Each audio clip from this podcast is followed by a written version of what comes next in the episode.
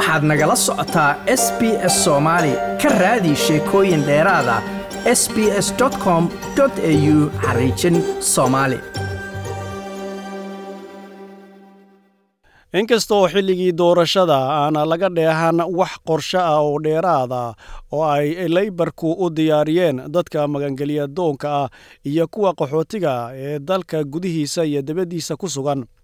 balse waxaa jira dareen rajo beeray oo ka dhashay markii leybarku doorashadooda kadib ay qoyskii taamiilka ahaa ay siiyeen fiisa kumeel gaadha dibna ugu celiyeen magaaladii ay ku noolaan jireen gudaha austreeliya ka hor inta aanan xabsiga tarxiil sugidda la geynin.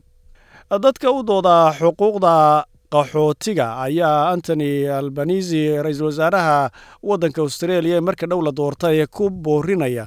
in dib u uu ku sameeyo siyaasadda austreeliya ee qaxootiga ku sugan induneisiya kadib markii ra'iisul wasaaruhu uu soo gabagabeeyey safarkiisii labada maalmood qaatay ee uu ku tagay induneisiya siyaasadda austreeliya ee dhanka ilaalinta xuduudaha waddanka ee loo dhigay in ay tahay mid aad u adadag ayaa muddo soo socotay kolba heer ay maraysayba. Sannadkii labadii kun iyo kowdii kadib weeraradii ka dhacay maraykanka sebtembar koob iyo tobankeedii argagixisadu waxa ay ahayd diiradda madax badani ay wax walba ku eegi jireen john howard oo isagu ka hadlaya dareen ku aadan badbaadinta australia ayaa isagu yidhi National security is therefore about a proper response to terrorism. It's also about having a far sighted, strong, well thought out defence policy. It is also about having an uncompromising view about the fundamental right of this country to protect its borders. sidaa darteed amniga qaranku wuxuu ku saabsan yahay jawaab celin sax ah oo ku wajahan argagixisada waxaa kale oo ku saabsan yahay in la yeesho siyaasad difaac oo fog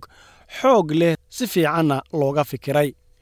waxaa kale oo ay ku saabsan tahay in laga yeesho aragti aan leexleexad lahayn oo ku saabsan xuquuqda asaasiga ah ee dalkani u leeyahay ee ilaalinta xuduudihiisa ayuu yidhi ra'iisul wasaare howard. Bishii oktoobar ee sannadkaasi ra'iisul wasaare john howard oo toddobaadyo uuna doorasho ka soo baxay mar uu hadlayeyna waxa uu yidhi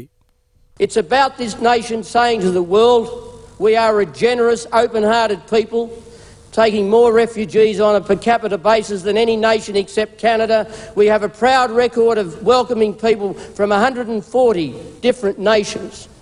But we will decide. waxay ku saabsan tahay qarankan oo ku leh adduunka waxaan nahay dad deeqsi ah qalbi furan qaxooti ka badan qof kasta marka loo eego waddan kasta marka laga reebo kanada waxaan leenahay taariikh sharaf leh oo ah soo dhowaynta dadka ka socda boqol iyo afartan waddan oo kala duwan. Laakiin buu yidhi annaga ayaa go'aansan doona cidda dalka imaanaysa iyo duruufaha ay ku imaanayso dareenkaas ra'iisul wasaare howard uu muujiyey marka iyada ayaa dhigay habka iyo qaabka siyaasadda ilaalinta xuduudaha austreeliya labaatankii sane ka dambeeyey ay ku socotay. Horraantii sannadkaasi howard uu ka hadlayay ayaa dowladda isbahaysiga labada xisbi ee liberaalka iyo nationalku ay hogaaminayeen u diiday in markab norway laga leeyahay oo siday boqolaal qaxooti ah oo ka soo cararay dhibaatooyinka afghanistan inuu galo biyaha austreeliya taasoo dhalisay muran diblomaasiyadeed oo u dhexeeya austreeliya iyo norway xilligaasi. Halkaas ayay haddaba ka bilaabatay taariikhda austreeliya ee doomaha dib loo celinayo. Dhacdadaas hore kadib xukuumadda howard waxay soo bandhigtay wax loogu yeero xalka baasifiga waxa uuna ahaa in dadka iyagu soo gala waddanka austreeliya la geeyo waddamada deriska ee jasiiradaha u badan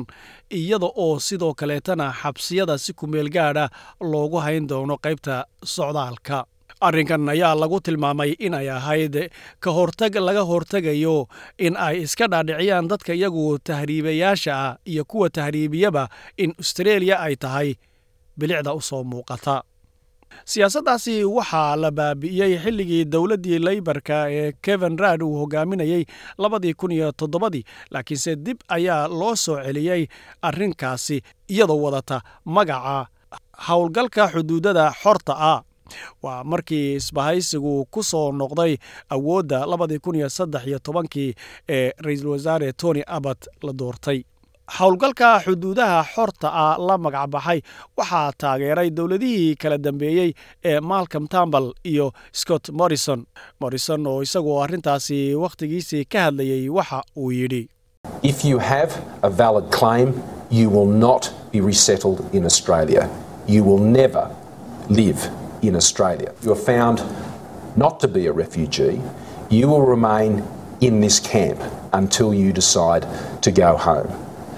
you should know haysato that dacwad the sax government's ah dib will laguma will not dejin change doono on this issue. weligaa kuma noolaan doontid australia. haddii lagu ogaado inaadan qaxooti ahayn waxaad joogi doontaa xeradan ilaa aad go'aansato inaad gurigaaga aado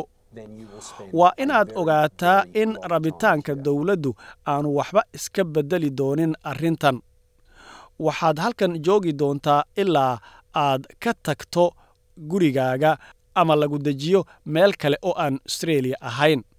Haddii aad doorato inaadan aadin gurigaaga markaa waxaad halkan ku qaadan doontaa ayuu yidhi wakhti aad iyo aad u dheer.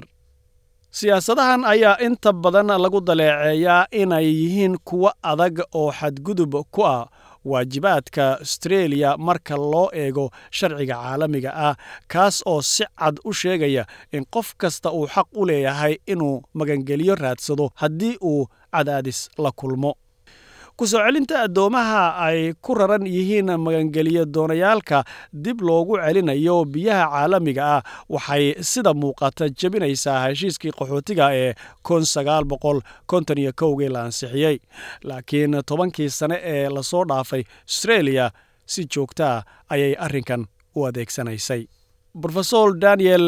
gezelbash waa agaasima ku-xigeenka xarunta kalda ee sharciga qaxootiga caalamiga ah. Wuxuu sharaxayaa sida australia ay awood ugu yeelatay inay hareer marto axdigaasi si sax ah uma garanayo ayuu yidhi waxa socda iyo halka ay ka socdaan howlahan fulinta iyo dib u celinta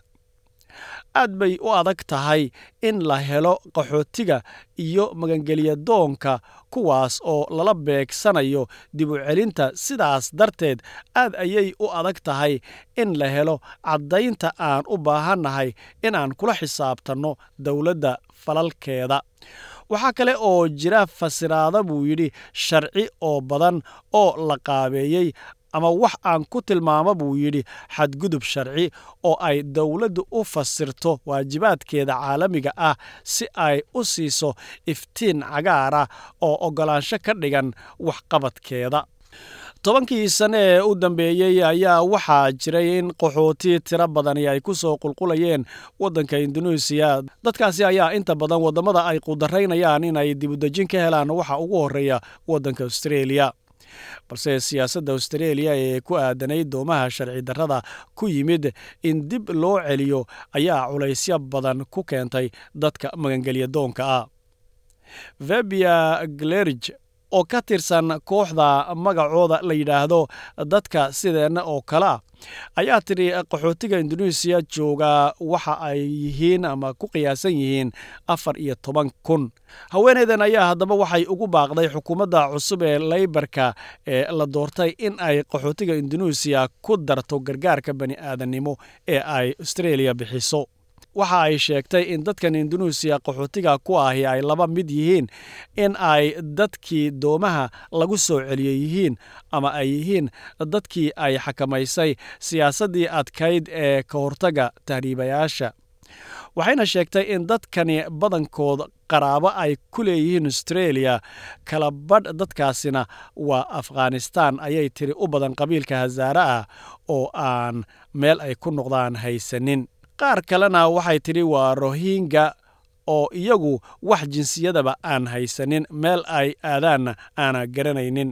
Waxaa kale oo ay sheegtay in waddanka ay joogaan ee indonesiya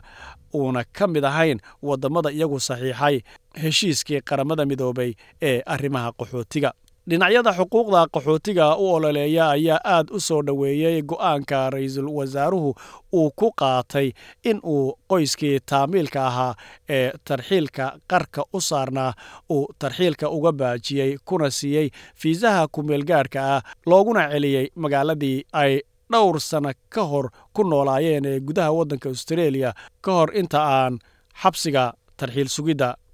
ee austareeliya loo soo taxaabin